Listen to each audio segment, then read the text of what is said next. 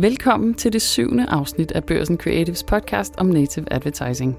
Jeg er din vært, Stine Bjerg Hertel, og i dag skal vi tale om effekt. Vi skal blandt andet lytte lidt på en, der har indblik i hjernen, som fortæller os, hvad native gør oppe i din hjerne. Eller i hjernen på de modtagere, du gerne vil nå med din native advertising. Og det er jo heldigt, at vi tydeligvis skal blive ved med at finde nye vinkler på native, vi kan dykke ned i. Øh, og det er også på tide med nogle nye afsnit her. Øh, nu hvor vi optager, er det juni, så måske bliver det et afsnit, du kan tage med dig på sommerferie. Hvis du slet ikke kan slippe fagligheden, selvom du er fri. Eller måske lytter du til det efter sommerferien, hvor det forhåbentlig kan være med til at kickstarte nogle nye tanker til den anden halvdel af året. Men i dag der skal vi så altså dykke ned i noget, som der ofte spørges til, når man laver native advertising, nemlig effekten. Vi har jo kigget på alle mulige aspekter af native nu, og i det forrige afsnit, der snakkede vi rigtig, rigtig meget om måling. Øh, altså hvad er det, man skal måle på, og hvordan man skal måle, for ligesom at finde ud af, om man får effekt. Men vi vil selvfølgelig også gerne så prøve at give dig nogle eksempler på, hvad effekten så er med at fortælle de her historier på netop den måde, som man laver native advertising. Vi har også i et tidligere afsnit øh, talt rigtig meget om, hvad gode historier er, og hvordan man som virksomhed finder gode historier. Men i dag der skal vi dykke ned i noget, som man ofte spørger os til, når man laver native advertising, nemlig effekten. Altså hvad er effekten af at fortælle de her historier på netop den her måde, som man laver native? Og det kunne jeg jo godt stå her og tale rigtig længe om, men jeg vil hellere lade en virksomhed fortælle om øh, deres oplevelse med native. Øh, hvad gjorde de? Hvad fik de ud af det? Og så vil jeg lade videnskaben komme til ord. Da vi i april afholdt vores store Native Advertising konference, så havde vi nemlig besøg af mange spændende gæster, men særligt to af dem var interessante i den her effektkontekst. Og derfor så skal vi høre min kollega Frederik Malte Petersen interviewe Stian Torsrud, der er kommunikationschef i Siemens, om hvordan de har brugt native advertising i en stor nordisk kampagne, hvor de simpelthen har, har brugt native til at ændre folks opfattelse af Siemens-brandet. Og det skal vi selvfølgelig høre, om det lykkedes. Så skal vi også høre Mike Storm, som er COO i Neurons, øh, og dem har vi lavet en spændende undersøgelse sammen med. Og han skal forklare ham her, Mike, hvad det er, der præcist sker oppe i vores hjerner, når vi bliver præsenteret for gode historier, og hvorfor følelser i historier netop er sådan en vigtig ingrediens i en god native cocktail. Og det ved Mike Storm noget om, fordi uh, Neurons, de laver sådan nogle her hjerneundersøgelser simpelthen. Så lad os springe direkte ud i det og høre lidt om, hvad Siemens gerne ville med deres store native-kampagne, og om det egentlig har virket. Stian Torsrud, you're the head of press relations at uh, Siemens. And um, yep. you've been uh, running, it's still ongoing, a huge campaign uh, within native advertising. What was the purpose of this campaign you're doing? Well, basically, we we wanted to rebrand Siemens um, in Norway and in Nordics. Uh, we know that we are um, known for appliances, uh, and we know that almost everyone knows have seen a Siemens appliance somewhere. But um, that's not a part of Siemens anymore. It was uh, sold out five years ago, uh, and so we wanted to to rebrand Siemens and show what we actually are doing now. And we're actually doing stuff like e-planes. We are working with uh, uh, the future of manufacturing and industry. We are working with energy optimizing buildings. We're working with uh, smart grid solutions, um, elect- electric mobility, um, etc., etc. Um, so that's what we wanted to change the perception of Siemens uh, of. Why was it important to to move this, uh, change this perception of your brand for you? Well, mo- mostly because uh, it so it doesn't the opinion of Siemens as an appliance manufacturer uh, doesn't fit what we were doing. So uh, of course that's that's it's business related. We wanted, of course, to to be known for what we actually do, so we can sort of so that could support the business uh, in Siemens. Um, and why do you think uh, storytelling is the best way to change people's uh, perception of your brand? Yeah, because I, th- I think it um, for selling a specific product, maybe it doesn't work that good. But for for for positioning uh, a, a, company and for repositioning and for branding purposes, I think it works really good. I know the campaign is still running, but what have the results been so far? it has been very good. Um, we did a pre uh, pre and post test uh, for the Norway Norwegian pilot. Now that one showed uh, a reduction in the in association for Siemens with appliances and an increase for technology and, and digitalization. We did a Nordic, also a Nordic test uh, in each of the Nordic countries with a non-exposed exposed test, and also that shows the same uh, results. Uh, less, more known for digital digitalization and, and technology in, in, general. And um, so, if if it's done right, what what do you believe the potential uh, value of native advertising can be for a brand? It's very hard to say, of course. Um, for for Siemens, uh, I'm positive that it has had, uh, as as as we said, has had the effect that we wanted. I think getting sort of telling stories and reference stories perhaps is a powerful thing.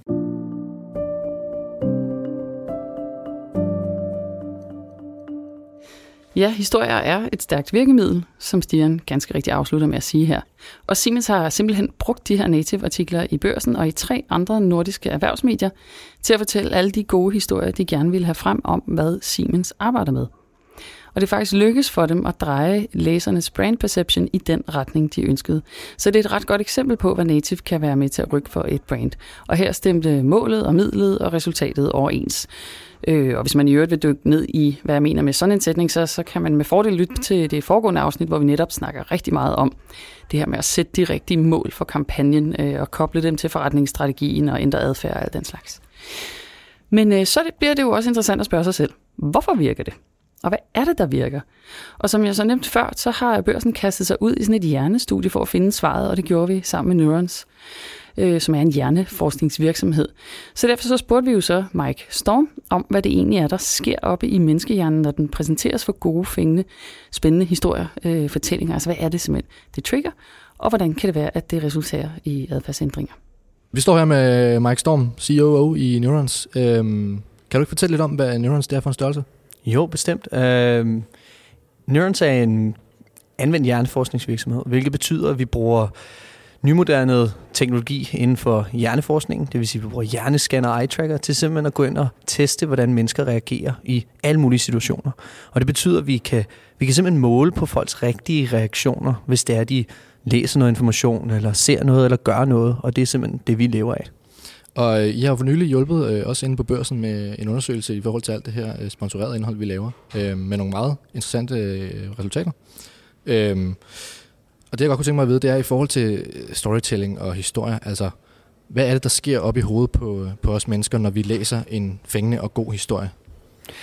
Ja, det er, jo, det er jo simpelthen et virkelig godt spørgsmål, og der er ikke nogen, for, altså, der er ikke nogen tvivl om, at hvis man læser en virkelig god og fængende historie, jamen så skabes der nogle, nogle, både nogle endorfiner, men der skabes også nogle reaktioner i hjernen, som, som simpelthen kommer fra nogle bestemte motivationscentre. Og, og når man gør det, jamen så skaber du en kontekst og noget, som senere hen går hen og ligger sig i vores hukommelsescenter. Og det er derfor, at hvis man læser en fængende historie, jamen, så husker du den også bedre. Du har større chance for, at du taler om den, fordi den rører i det, der hedder top of mind. Og det vil sige, at der er nogle helt klare værdier ved at skrive gode og fængende historier. Spørgsmålet er så, hvordan gør man det? Øhm, så det vil sige, hvis man er lidt i den anden boldgade og snakker meget om et eller andet produkt, altså hvis man har en eller anden tilgang til det, i forhold til, at man gerne vil det ved ikke, sælge noget, eller mm-hmm. i det hele taget bare ikke gå så meget op i det emotionelle omkring den her historie. Hvad, hvad bliver resultatet så typisk? Jamen altså, hvis man er mere ude i, at man gerne vil fortælle noget rationelt, eller man gerne vil betale, fortælle noget mere teknisk, eller et eller andet, det sjove ved os mennesker, det er, vi kalder det jo rationelt. Øhm, og det, det er det selvfølgelig også, når man begynder at snakke tal og matematik, så er der jo kun én løsning, der er ligesom et resultat. Men det, der driver os til interessen for det, er stadigvæk noget emotionelt. Det vil sige, det, du er ikke 100% rationel det, det skabes værdi tidligt i noget emotionelt, og det vil også sige, hvis du skal skabe en fængende og god historie, så kan du ikke bare tale tal. Du er nødt til at gøre det til en del af en historie, eller gøre det en del af noget, som faktisk er virkelig for mennesker. Hvilket jo også er grund til, øh, at for eksempel historier om jamen, varmepumper og alt muligt andet forskelligt, kan begynde at fænge, fordi det skaber en almindelig virkelighed, og det skaber noget, som forstås af det menneske, der læser det.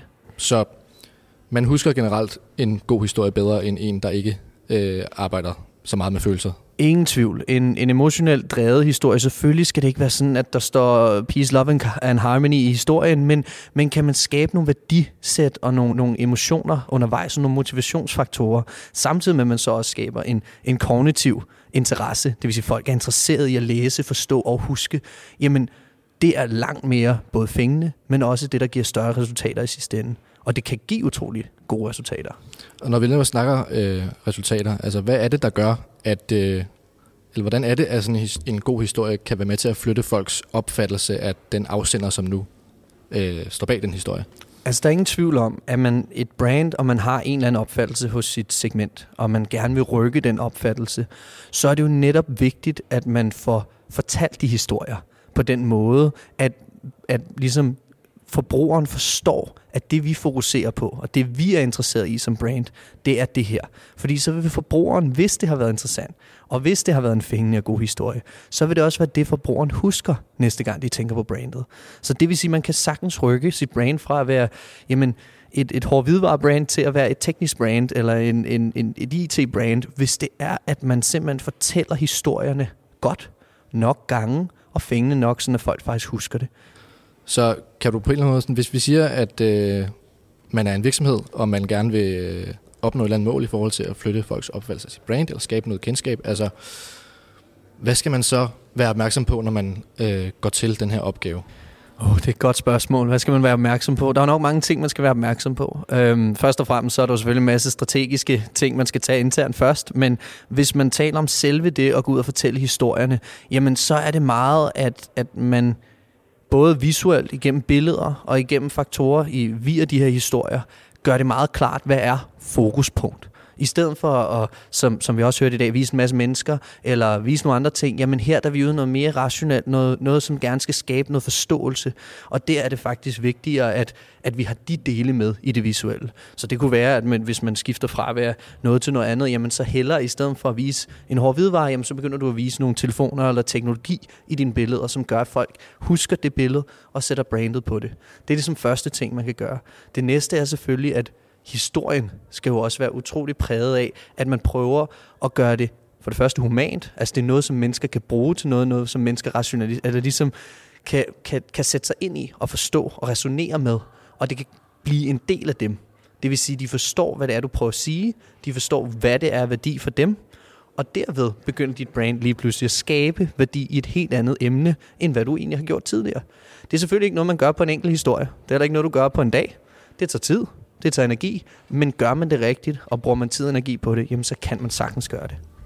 Så øh, sådan, to sum up, så er følelser virkelig et nøgleord, uanset hvilken altså, man skal fortælle utrolig nok, lige meget hvor meget vi bliver ved med at sige, at vi ikke er det. Ja, emotioner, følelser, det, følelser hedder det jo, når vi taler om dem. Det vil sige, at jeg føler mig kold, eller jeg sveder, eller alt muligt andet. Emotioner er jo noget, der skabes inde i, inde i hjernen øh, og, og sendes ud igennem kroppen. Og de her emotioner er, er simpelthen så vigtige at slå på og ramme på den rigtige måde, for at skabe den værdi.